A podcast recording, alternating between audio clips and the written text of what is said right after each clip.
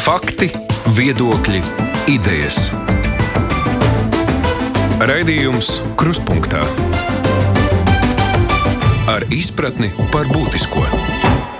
Sveicināti Kruspunkta pie Latvijas radio mikrofona Ārnis Krause. Lai pensionāriem kompensētu cenu kāpumu un rudenī gaidāmos lielos rēķinus, saima lēmusi šogad pensijas indeksēt ātrāk no 1. augusta. Taču tagad ir skaidrs, ka lielai daļai senioru indeksācija dzīves dārdzību pilnībā neatslogos. Statistika rāda, ka gada pirmajā pusē vidējais uh, vecuma pensijas apmērs ar piemaksu pie pensijas bija 433 eiro bet tā ir vidējā pensija. Protams, ir arī tādi, kas saņem tūkstoti un tūkstošus. Taču ir ļoti daudz senioru, kuru pensija ir vien 200 eiro un pat mazāka. Un ar tik niecīgu iztikšanu ir jāsadzīvo gandrīz katram desmitajam Latvijas iedzīvotājam.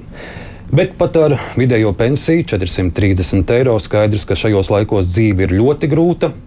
Kā mūsu vecākā paudze šobrīd izjūt inflāciju, uz kādu atbalstu tā var cerēt, cik lielu atspaidos pensiju indeksācija un kāda mūsu senioriem būs nākamā apkuras sezona. Šie ir vieni daži no jautājumiem, kurus šodien kruspunktā aplūkosim. Uz sarunu esam aicinājuši Latvijas Pensionāru federācijas priekšsēdētāju Āju Barču. Labdien, Barčs kundze! Labdien! Labklājības ministrijas valsts sekretāra vietniece Elīna Celmiņa. Sveiki! Labdien! Un uh, biedrības palīdzēsim viens otram valdes loceklis un koordinators Rēmons Rons. Sveiki, labdien! Rēmond, ar jums arī sāksim, man liekas, tā ir simboliski runājot par senioriem. Ir labi iesaistīt arī uh, jaunāku paudzi, un mēs katrs agrāk vai vēl būsim seniori un būsim uh, to pensionāru vietā, kuriem ir šobrīd jāizdzīvo tām pensijām, kas viņam ir. Jūsu biedrībā palīdzēsim viens otram. Cik uh, bieži ar lūgumu palīdzēt pie jums vēršas seniori? Es skatījos jūsu Facebook mājaslapā, tur tomēr vairums palīdzības uh, meklētāju ir uh, ģimenes, ir vientuļas māmiņas ar bērniem. Vismaz internetu vidē es redzu, ka senioru nav tik daudz. Vai arī seniori tie, kur nu, ciešas līdz pēdējiem, un tad, kad galīgi nevar savilkt galus kopā, tad, tad lūdzu palīdziet. Seniori bieži ir tieši tie, kas tieši cieši līdz pēdējiem. Ļoti bieži palīdzības saucienus par senioru grūtībām mēs saņemam no kaimiņiem, no blakus dzīvokļiem, vai arī varbūt no kāda attālāka radinieka, kurš prasa šo palīdzību viņiem. Šie palīdzības saucieni ir dažni dažādi. Ļoti bieži tie ir saistīti ar tādu tīri komforta arī izdzīvošanu, kas saistīts ar to pašu krāsnes remontu vai malkas sagādi nākamajai apkurses sezonai. Visvairāk, protams, saistīts ar pārtiku un medikamentiem un medicīnu kā tādu, jo ļoti daudzi no šiem cilvēkiem, lai arī saņem šos um, pabalstus vai arī šo pensiju, tāpat viņi nespēja varbūt pilnvērtīgi savu medicīnisko veselību nodrošināt atbilstošā kārtībā. Un, ja arī samaksā par medikamentiem vai medicīnas pakalpojumiem, tad pietrūkst atkal nauda, piemēram, pārtikai. Un, līdz ar to šie palīdzības saucieni varbūt arī nav tik bieži arī publiski mēs to saņemam arī privāti, un ne visi tiek varbūt novirzīti publiski. Jo ir arī tādi, kuros bieži mēs vienkārši braucam ciemos, uzreiz ēdam pārtiku, uzreiz ar viņiem parunājamies, noskaidrojam, kas ir vēl vajadzīgs. Ja nepieciešams, um, sarunājumu aizdam pie ārsta. Un, ja tas ir patiešām, mēs tajā brīdī saprotam to, ka tur ir nepieciešama sociālā dienas iejaukšanās, jau tad arī, protams, kad veidojam šo tiltu starp šo uh, pensionāru un sociālo dienestu noteiktajā pašvaldībā. Jūsu biedrības eh, dibinātājs un vadītājs Riedijs Pipars pagājušā gada Latvijas lepnums un stāstā par viņu. Es redzēju, ka arī viņš pats dodas pie senioriem, gan ar kādu pārtikas paku, gan arī teiksim, risināt jautājumu par kādu krāsni, kas dūmo ļoti dažādi tie palīdzības veidi. Ja? Jā, tieši tā ir ļoti dažādi šie veidi, un iesaistās pilnīgi visi. Nedalās, vai tur ir koordinators vai valdes loceklis vai ko. Pilnīgi visi atcaucas palīdzības saucieniem, un pilnīgi visi dodas palīgā. Šeit nav šķirošana par to, ka es tur nebraukšu, es negribu braukt, un ja ir jābrauc. Un, Un šis palīdzības sauciens ir tas, kurš ir tajā brīdī pieejams, un tas, kuram varbūt tajā brīdī nav jābūt darbā, tad tas arī dodas palīdzību sniegt. Jo mūsu biedrība darbojas pēc principa, ka mēs visi esam brīvprātīgi. Mums visiem ir pamata darbs, visi strādā savā pamata darbā un brīvajā laikā tad, uh, dodas uh, sniegt atbalstu un palīdzēt, vai tās ir brīvdienas, vai atvaļinājumi, vai, vai pēc darba, un tad uh, sniedz šo atbalstu, kam nepieciešams. Un te patiešām nešķiro, kas tu esi. Ja vajag, mēs dodamies palīdzēt. Un viens uh, piemērs no tā, kā ļaudis lūdz jums palīdzību, seniori, kā lūdz palīdzību Facebookā, es lasu, ka pie palīdzēsim viens otram komandas vērsusies kundze no Rēzeknes, kurai ļoti nepieciešama palīdzība. Kundze ir palikusi patreiz praktiski bez iztikas līdzekļiem, turklāt ir smagi saslimusi, tāpēc niecīgie iekrājumi tiek tērēti tikai un vienīgi zālēm. Priekšā garš atvesaļošanās ceļš šobrīd nepieciešamākais kundzei iegādāties jaunu gāzes balonu. Tāds piemērs. Un Jūs varat palīdzēt arī šādā gadījumā? Jā, tieši tā, šie ir sadzīviskie lūgumi, kas ir visiem ļoti svarīgi un būtiski. Bez gāzes balona šī pensionāra nevarēs pagatavot savu ēst. Līdz ar to, ja vajadzīgs gāzes balons, jā, mēs meklējam šo gāzes balonu. Mums ir atsaucīgi ziedotājs, grupā ir vairāk kā 48,000 sekotāji, un ļoti daudzi no tiem pamanot šos, šos saucienus palīdzības. Ja viņi tajā brīdī ir kaut kur piemiņi, var tajā brīdī palīdzēt, viņi atsauc un palīdz. Ja to nevar izdarīt ar ar mantisko šādu palīdzību, tad uh, viņiem ir iespēja ziedot ar mērķi, un par šiem ziedojumiem mēs varam nopirkt šo gāzes balonu un nogādāt viņai. Mums ir koordinatori pa visu Latviju, gan Latviju, gan Kurzem, gan Vidzeme, gan Rīga. Tuvākais koordinators var, var steigties, palīdzēt un atrast šo risinājumu situācijai. Un tas nav arī tikai gāzes balons, tā ir arī uh, dzīvokļu īrets nepieciešams un nav iespējams uh, kaut kā nomaksāt šo, šo rēķinu. Jo, Medicīnisko izdevumu pakalpojumi ir ļoti dārgi visiem. Viņiem arī ir dzīvnieki. Arī dzīvniekiem medicīniskie pakalpojumi ļoti dārgi. Līdz ar to tās palīdzības saucieni ir dažni dažādi. Tur ir uh, mājokļa jautājumi, vai tās ir mēbeles, varbūt nepieciešams nomainīt logu, jo izsista vējā loga rūta un nav vienkārši līdzekļi, par ko to nomainīt.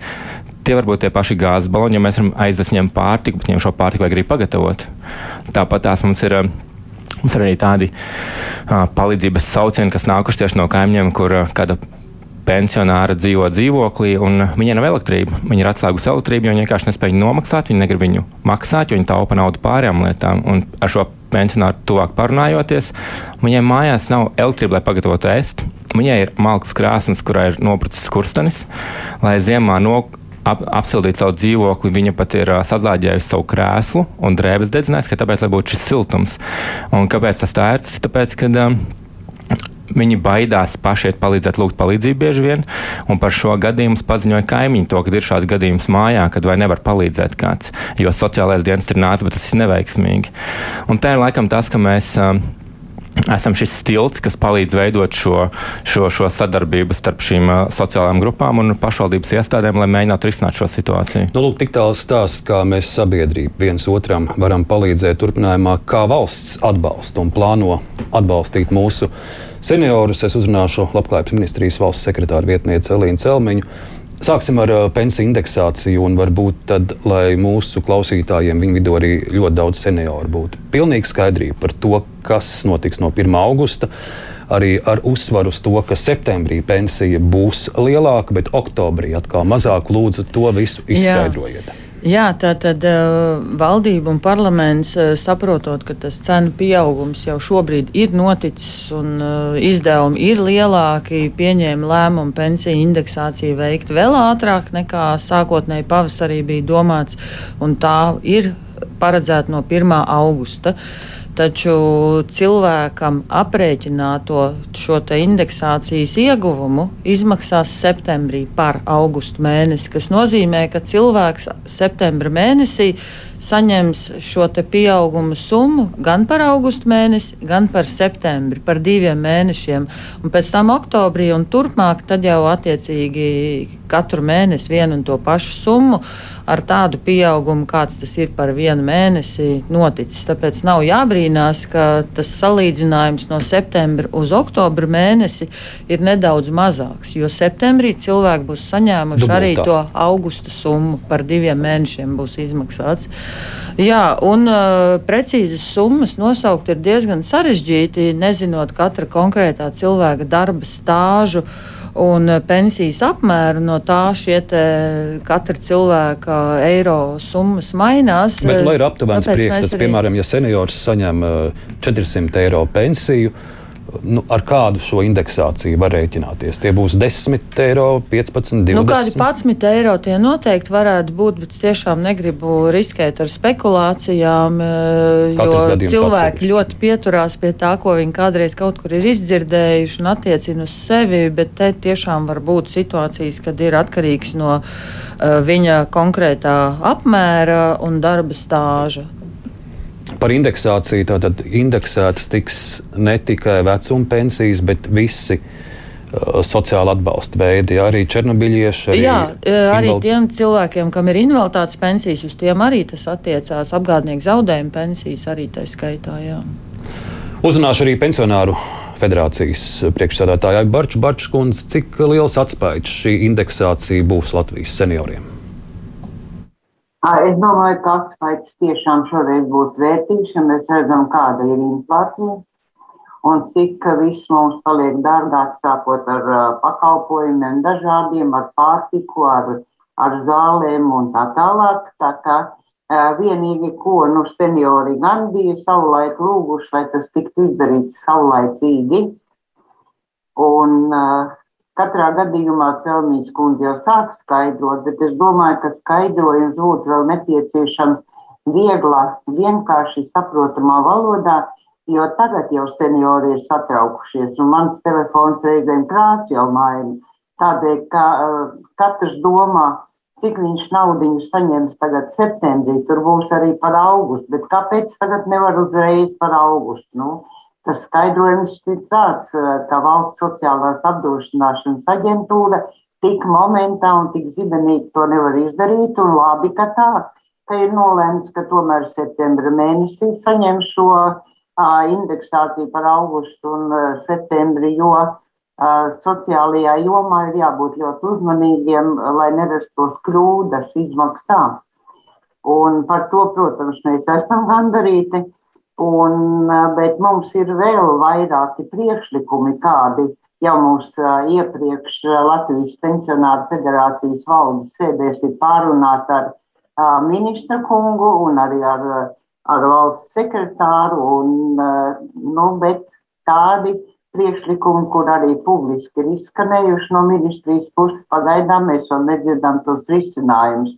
Un te es domāju par vienreizējiem pabalstiem, kādi tie būs. Un, manuprāt, būtu ļoti jauki, ja Celmīs kundze šodien varētu arī tā publiski mums pastāstīt. Vienu brīdi bija runa par 13. pensiju, un tad tas apklusa. Un vēl arī dzana ar nākošo gadu, ar 2023. gadu, ministra kungs ar mums ir runājis un teicis par mm, bāzes pensijām. Tātad šodien, manuprāt, ja krustpunktos mēs runājam par senioru jautājumiem, arī šīs lietas būtu būtiskas. Un, un tad es tiešām lūgtu un, un prasītu šodien iespējams par šiem jautājumiem. Ja ir jau kāda skaidrība, varbūt to mums arī šodien var teikt. Paldies! Nu, Ieklausoties Barčas kundzes mudinājumā, tad nu, pie šīm lietām arī ķersimies. Sāksim ar šo rosinājumu par bāzes pensijām. Tas ir iekļauts arī Labklājības ministrijas plānos, mm. raugoties uz nākamā gada budžetu. Es arī saprotu, ka tā ir te jau galvenā Labklājības ministrijas prioritāte budžeta sarunās - bāzes pensijas ieviešana. Ko tā nozīmē? Vien, nu, vieglā valodā izskaidrot. Jā, tas nozīmē, ka neatkarīgi no tā, kāds ir cilvēka darba stāsts un ieguldījums, viņam būtu šī bāze, kas visiem ir vienāda. Un tad tā atšķirība veidotos no tās, pēc saviem nopelniem, no tās summas, kas jau būtu virs šīs bāzes. Citās valstīs mēdz būt, ka šādas bāzes eksistē un finansē no pamatbudžeta un no apdrošināšanas daļas, no nodokļu maksājumiem finansē to daļu, kas ir virs šī apmēra. Šādas politiskas debatas ir jau notikušas arī iepriekšējos gados, bet šogad viņi tiešām ir iekļauta kā politikas prioritāte. Un budžeta sarunas, kā mēs zinām, ir gaidāmas augustā un turpmākajos mēnešos. Nu, tad mēs arī varēsim dzirdēt un zināt, kā lietas tālāk attīstās. Es saprotu, ir jāprēķina, ka šādas bāzes pensijas ieviešana nākamgad no valsts budžeta 52 miljoni būtu. Jā, vajadzīgi. tas ir dārgs pasākums. Jebkurā gadījumā uh, vienmēr tiklīdz uh, veido kādus atbalsta pasākumus uh, senioru grupai, tie ir naudietilpīgi. Pat ja katram individuāli saņemamais apjoms nav liels, tieši tādēļ, ka cilvēku grupa ir ļoti liela. Tie vienmēr ir desmitos miljonu mērām pasākumi. Bet es gribēju arī turpināt par pārējiem pasākumiem. Bet pie bāzes pensijām paliekot, ir arī aptuveni jau kāds projekts, cik šī summa varētu liela būt tā pamata bāzes pensija. To es šodien neesmu paņēmusi līdzi. Ja jūs būtu iesūtījuši jautājumus, mēs varētu runāt par. Nu, kaut kādas diskusijas jā. jau jums ir bijušas. Tie būtu 200, 300. Mm, es tagad baidos sameloties. Varbūt Barčs kundze ir dzirdējusi diskusijās. Man par... ir noteikti pierakstos, mm -hmm. bet man ir vairāk ciparu šodien galvā. Barčs kundze par šo bāzes pensiju, kā, kādi bijuši līdz šim tie skaitļi, kas izskanējuši? Nu, redziet, parlamentā izskanēja opozīcijas likumprojekts, un tur bija runa, ka bāzes pensija varētu būt tā pati, kā pagājušajā gadā tika noteikti minimālā pensija 136 eiro. Bet, ja mēs tā paskaitām un parēķinām, tad tādu summu diez vai valsts pamatbudžets var pacelt. Vienā diskusijā es esmu dzirdējusi, un manuprāt, tā summa būtu diezgan adekvāta, tie ir 50 eiro. Par to mēs arī dzen, savā organizācijā esam runājuši. Tātad 50 eiro un tālāk manis, tai plus klāt manis vai kāda cita nopelnītā pensija. Tad tas būtu, manuprāt, jau saprotami, jo tad seniors varētu rēķināties, ka man katru gadu valsts maksā tik un tik, un tālāk ir tā naudiņa, ko es pats būtu nopelnījis. Un, manuprāt, tas būtu arī labs rādītājs mūsu jauniešiem, jauniem cilvēkiem, jo, kā Krauskungs jau sākumā teica, mēs jau visi ar eh, katru dienu nepaliekam jaunāki, bet nedaudz senāki. Un eh, tādā gadījumā tad eh, vēl tā otra lieta, kas būtu visiem ļoti saprotama, ka ļoti nopietni jāpārdomā, kā mēs maksājam sociālās apdrošināšanas iemaksas vai no visas tās summas, kādu mēs eh, saņemam atalgojumu, vai eh, pablēdāmies un maksājam tikai no minimālās algas, un pēc tam, kad pienāk, pienāk pensionēšanās vecums, un tad ir tāds lielais izbrīns, bet es līdz šim dzīvoju labi, kas tagad notiek ar manu pensiju, kādēļ tik maza. Un tās diskusijas pie mums arī gan pensionāru federācijā, gan klātienē, gan vēstulēs, gan arī gan telefonu zvanos ir uh, ir visai skaudrs, teikšu tā. Paldies, un vēl Barčs kundzei bija arī aktualizēts temats, vai senioriem varētu izmaksāt tādu kā 13. pensiju vai arī kādu tādu vienreizēju pabalstu. Jā, noteikti tādā, apkuras laikā. Mēs tad cenšamies šo 13. pensijas jēdzienu neattīstīt. Tam ir savi apsvērumi, nemēģināšu tagad tos izklāstīt. Taču balstoties uz premjera doto uzdevumu, ne tikai labklājības, bet arī citām ministrijām, mēs sagatavojām informatīvo ziņojumu, kurā ir ietverti vairāk atbalsta pasākumu dažādām iedzīvotāju grupām un es mēģināšu viņus mazliet ilustrēt. Tātad, um, Mērķis ir samazināt šo energo izdevumu cenu pieaugumu iedzīvotājiem, un pasākumi ir uh, vērsti uz vairākām iedzīvotāju grupām. Viena no tām grupām ir uh, cilvēki, kas pieder noteiktam sociālam uh, statusam, konkrētām grupām, piemēram, cilvēki pensijas vecumā, cilvēki ar invaliditāti, ģimenes, kurās aug bērns ar invaliditāti. Eh, un eh, šīm grupām tiktu tēmēti tādi ikmēneša pabalsti eh, apkurses sezonas periodā no oktobra līdz aprīļa mēnesim. Tad ir vēl viens pasākumu bloks, kas ir pašvaldību nodrošinātais mājokļa pabalsts mājsaimniecībām. Tur tātad situācija ir atkarīga no tā, kādā maisaimniecības sastāvā cilvēks dzīvo. Vienalga, vai tā esmu es ar bērniem vai seniors. Eh, tur vērtēja maisaimniecības kopējo ienākumu situāciju. Arī tur ir paredzēts izmaiņas apkurses sezonas laikā, paredzot labvēlīgākus nosacījumus, lai cilvēki ar augstāku šo ienākumu robežu varētu kvalificēties mājokļā pabalstu saņemšanai. Mēs izmainījām šo ienākumu robežu jau šī gada sākumā, padarot noteikumus labvēlīgākus. Un es mēģināšu pateikt, kāda bija tā robeža. Līdz jaunajam gadam tā robeža, kam būtu jāpaliek cilvēka rīcībā, bija šis garantētais minimālā ienākuma slieksnis. Pirmajai personai 109 eiro mēnesī. Mēs veicām izmaiņas, pieliekot koeficientu 1,5 vai 1,2 noteiktām iedzīvotāju grupām, tādējādi palielinot šo daļu, kam būtu jāpaliek cilvēka rīcībā pēc tam, ka viņš ir sēdzis izdevums par mājokli. Un ja šī te, e, formula parāda, ka viņa rīcībā nepaliek e, tie 109 reizes 2, piemēram, tad viņam rodas tiesības uz mājokļu pabalstu tik lielā apmērā, lai viņam uz rokas paliktu tāda summa. Tagad uz rudens sezonu šis koeficients, ar ko mēs reizināsim, būs jau cipars 3. E, koeficients 3 tiks piemērots tai GMI summai, kam būtu jāpaliek uz rokas. Tas nozīmē, ka mājokļu pabalstu saņēmēju lokus paplašināsies, ievērojami paplašināsies. Viņš jau ir audzis šī gada februāra, marta un aprīļa mēnešos. To mēs tiešām redzējām pēc pašvaldību datiem. Uh, un prognozējam, ka viņš turpinās uh, augt uh, arī rudens mēnešos. Bet tā iespēja būs cilvēkiem ar ienākumiem, kas ir tā virs tās pašas, pašas zemākās ienākuma robežas, arī pretendēt uz mājokļu pabalstu. Un tad vēl ir šajā ziņojumā piedāvāt, un valdība ir atbalstījusi.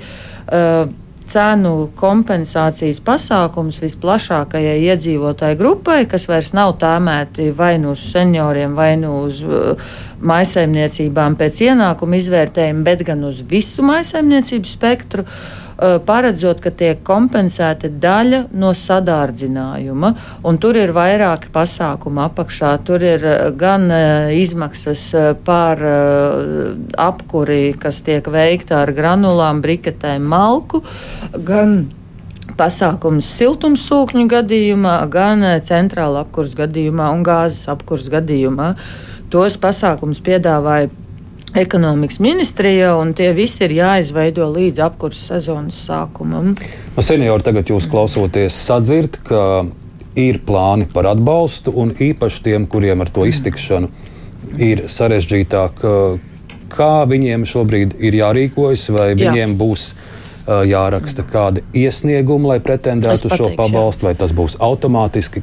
Ko senioram darīt? Jā, ļoti labs jautājums. Tātad tie atbalsta pasākumi, ko maksās Valsts sociālās apdrošināšanas aģentūra, tātad cilvēkiem ar invaliditāti, pensiju saņēmējiem un ģimenēm ar bērniem ar invaliditāti.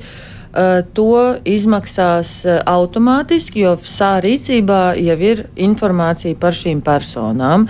Tiks nofiksēts uz 1.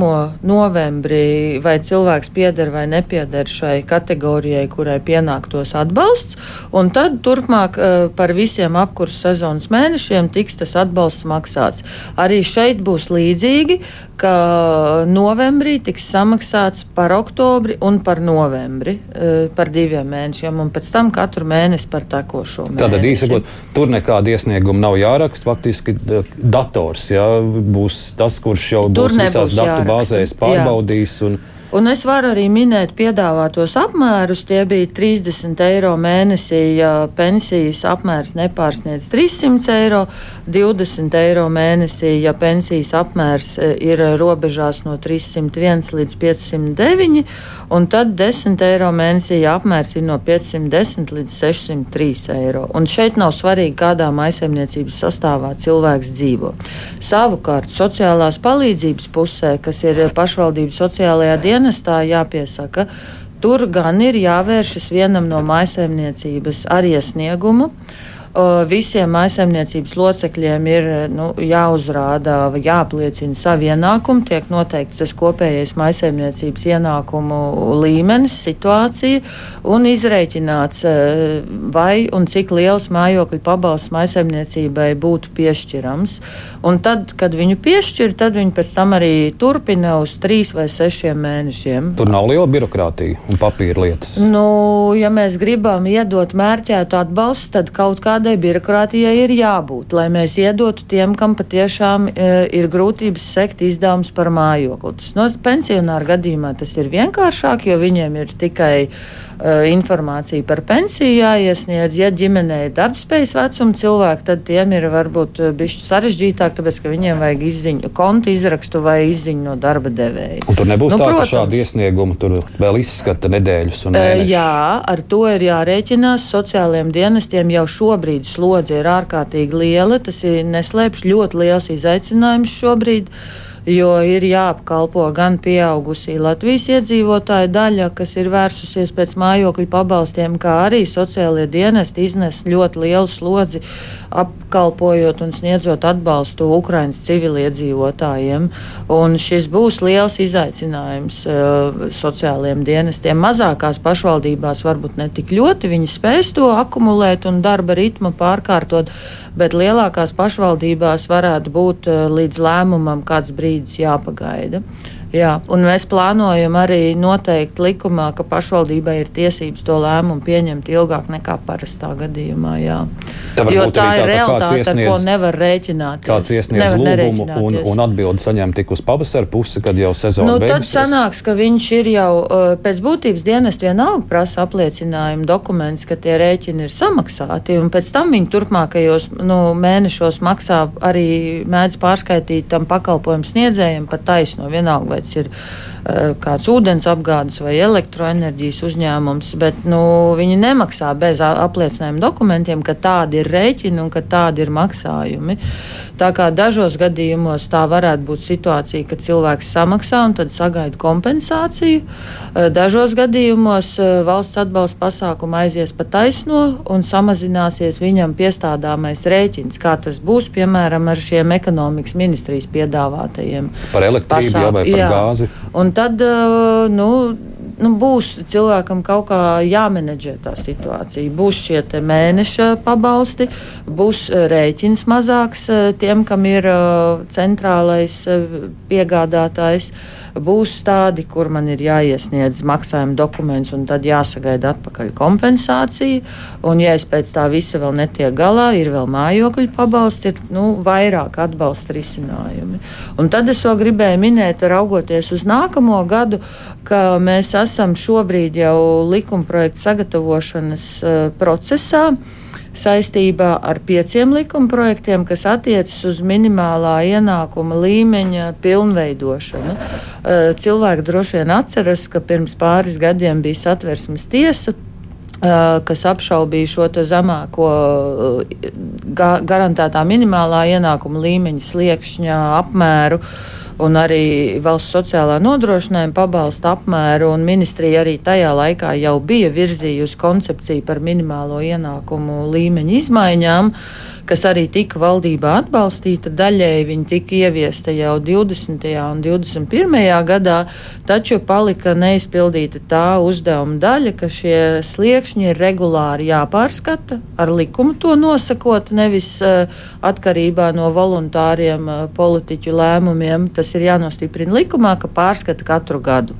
Un likumā ir jānostiprina, ka šie minimālie sliekšņi tiek noteikti procentuālā izteiksmē no visu maisaimniecību rīcībā esošajiem ienākumiem. Izklausās sarežģīts, mēģināšu pateikt vienkāršākā valodā. Arī atbalsts cilvēkiem, kam ir visgrūtāk, mums ir jāplāno kontekstā ar to, ko spēj nopelnīt strādājošie cilvēki un ar saviem nodokļiem tai grupai, kas ir atbalstāma, nodrošināt. Uh, Tādējādi arī šie minimālie sliekšņi ir jāveido kaut kādā loģiskā saiknē gan ar minimālo algu, gan ar maisaimniecību vidējiem rīcībā esošajiem ienākumiem. Un tieši šis vidējais visu maisaimniecību rīcībā esošais ienākums ir tas atskaites punkts, pret ko mēs tos minimālo ienākumu sliekšņus nosakām.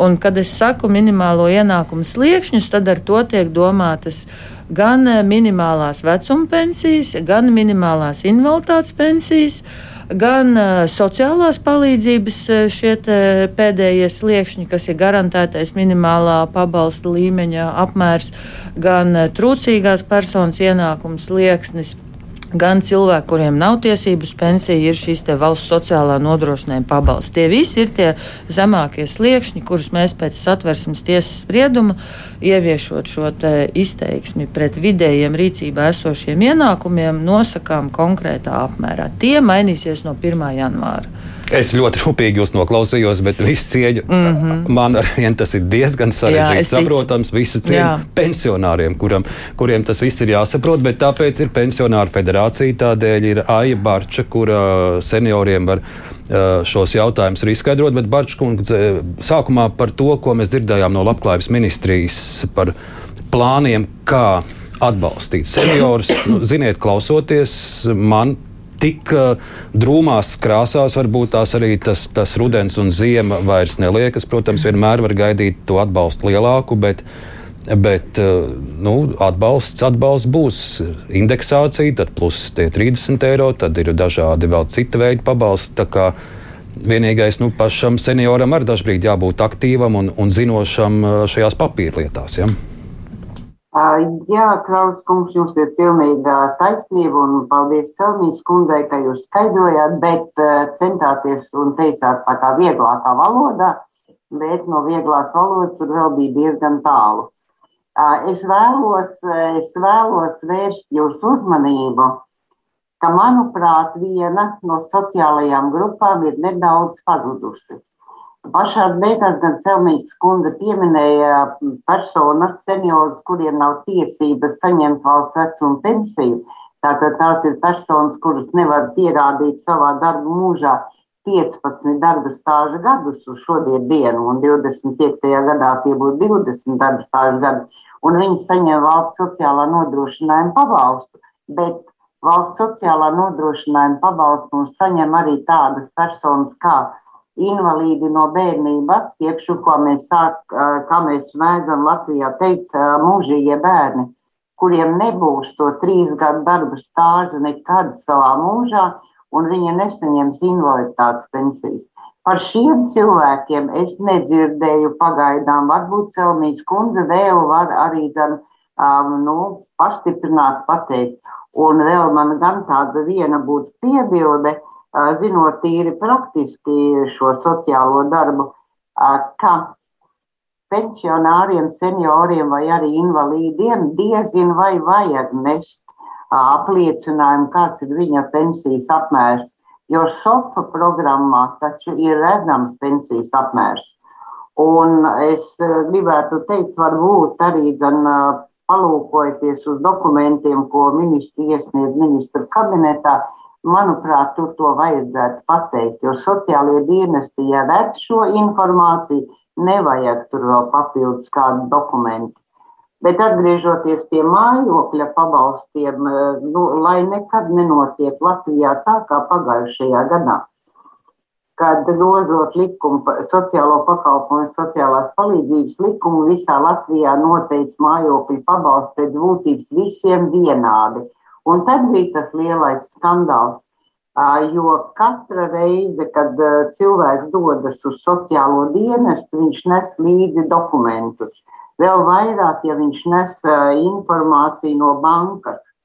Un arī tad, ja seniors ir paņēmis, nu, vai arī mazbērni palīdzējuši internetā izkopēt, paskatīt, kāda tur naudiņa un kas tur ir ieskaitīts, Tik un tā visas šīs informācijas, tie apliecinājumi maksā naudu.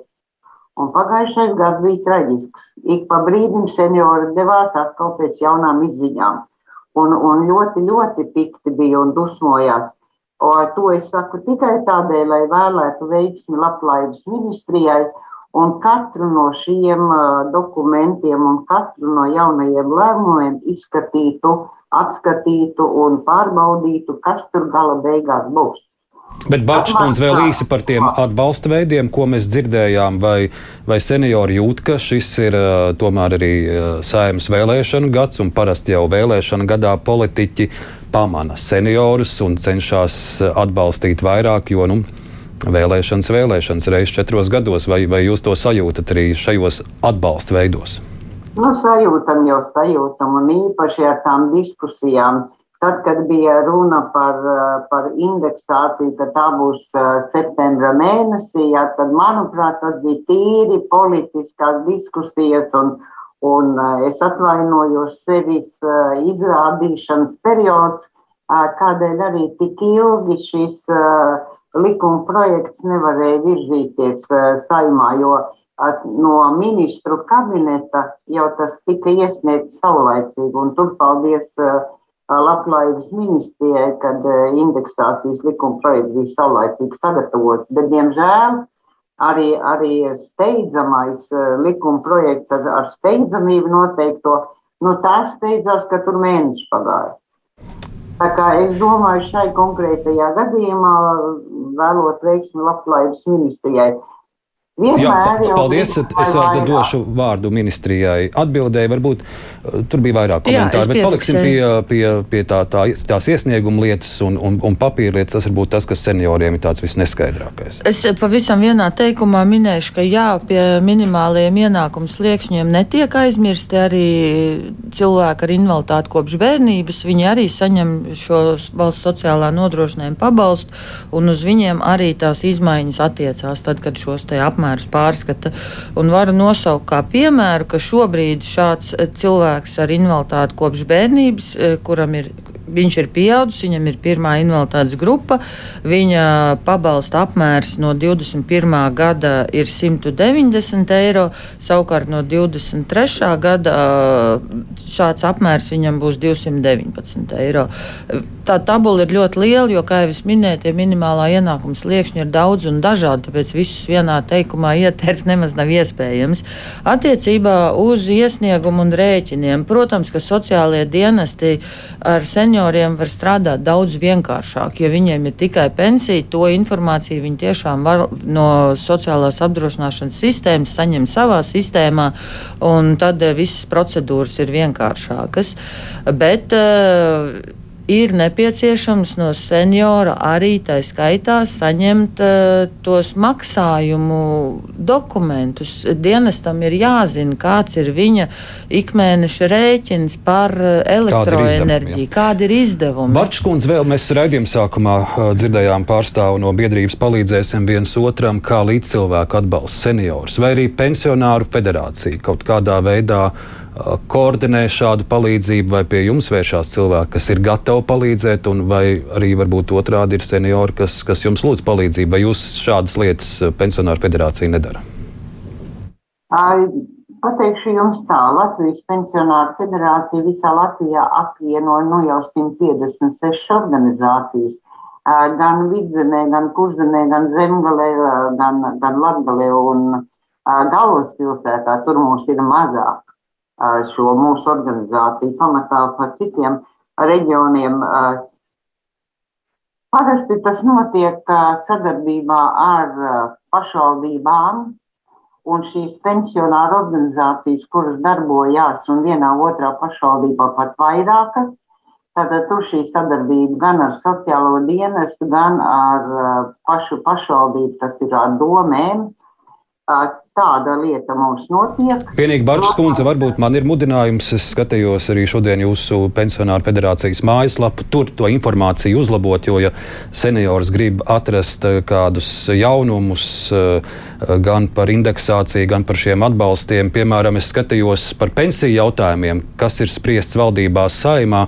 Tur jums ir pēdējā informācija atjaunot pirms četriem gadiem, 18. un 19. gadā. Tā kā varbūt tās arī, lai, lai seniori būtu izglītotāki, tur to informāciju var papildināt. Bet vēl sarunas noslēgumā Raimonda Ronis uzrunāšu no biedrības palīdzēsim viens otram ļaudis, kas mūs šodien klausās un kas ir gatavi palīdzēt Kā, kā jūs mudinātu viņus rīkoties, lai šī palīdzība būtu koordinēta un patiesi sasniegtu to senioru, kuram patiesi viņi ir vajadzīgi un kurš varbūt pats eh, nesadūšojas uh, iet un, un, un prasīt?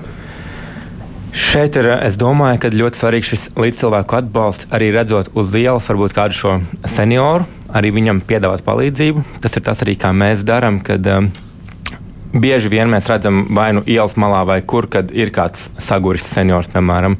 Vienkārši uzsākt uh, sarunu, pajautāt, kā sokas, kas nepieciešams, kā dzīvē veids. Viņiem ļoti svarīgs šis cilvēku atbalsts parunāties, un šajā sarunas laikā arī tieši iznāk ārā šīs vajadzības pēc. Um, Pārējām lietām, kas ir medikamenti, apkuras lietas, vai, te, vai tā ir tīri pārtika, vai jebkāds cits atbalsts, kas ir. Ja šādas sarunas un uzrunas varbūt cilvēkam nav ērts un komfortabls, viņš vienmēr var vērsties pie kāda no mūsu koordinatoriem. Mūsu koordinatoru saraksts ir pieejams Facebook lapā. Mums viss ir caurspīdīgs un noteikti ja šajā Facebook grupā ar koordinatoru kādu droši var sazināties, nodot kontaktus, un lai mēs zinām, pie kā vērsties, ka varam sniegt palīdzību. Un, un mēs mudinām to darīt, jo patiesi rudenī, ziemā daudziem senioriem šāda palīdzība būs vajadzīga. Jā, jo tā ir vēl viena lieta ar mājokļu pabalstu, kas mūsu pusē ir tāda ļoti lieta, kas ir sāpīga tēma par to, ka, kā arī Celmiņas kundze minēja, ka ir svarīgi iesniegt šos rēķinus un šos čekus, ka šis um, maksājums ir veikts. Bet, kad arī šim cilvēkam ir alga, ne alga, bet pensijas zem šiem 400 eiro, un viņam ir šī malka jānopērk, jāiesniedz šis apliecinās, ka šī malka ir nopirkta un samaksāta. Ko darīt šajos gadījumos, kad uh, varbūt viņam nav šobrīd tā nauda, lai viņš var tos 400 eiro par malku samaksāt un iesniegt šo čeku? Šajos gadījumos viņi vēršas pie līdzcilvēkiem, ir šī palīdzības nepieciešamība. Ļoti bieži mēs dzirdam to, ka, lai izvairītos no oficiālo birokrātijas līk, līkločiem, varbūt vienkārši no kaimiņa nopērk šo malku un aizmirst par šo, jo bieži vien šī birokrātija ir tā smagākā lieta.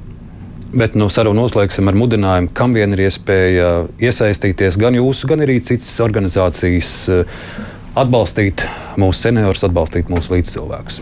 Droši, domāju, ka jebkurā brīvprātīgajā kustībā var iesaistīties. Arī mēs gaidām brīvprātīgos, kas gatavi palīdzēt un droši var sazināties un uzrunāt jebkuru, un jebkurš ir gatavs šo atbalstu arī uh, sniegt, un pretī būs arī, kas viņu saņems. Teikšu jums paldies. Ceru, ka uz vismaz dažiem uh, seniorus interesējošiem jautājumiem saistībā ar indeksāciju, saistībā ar gaidāmo rudens sezonu bijām atbildējuši. Paldies Latvijas Pensionāru federācijas priekšsēdētājai Aijai Barčai, Labklājības ministrijas valsts sekretāra vietniecei Elīnai Celmeņai un Labdarības biedrības palīdzēsim viens otram valdes loceklim un koordinatoram Raimondam Ronim.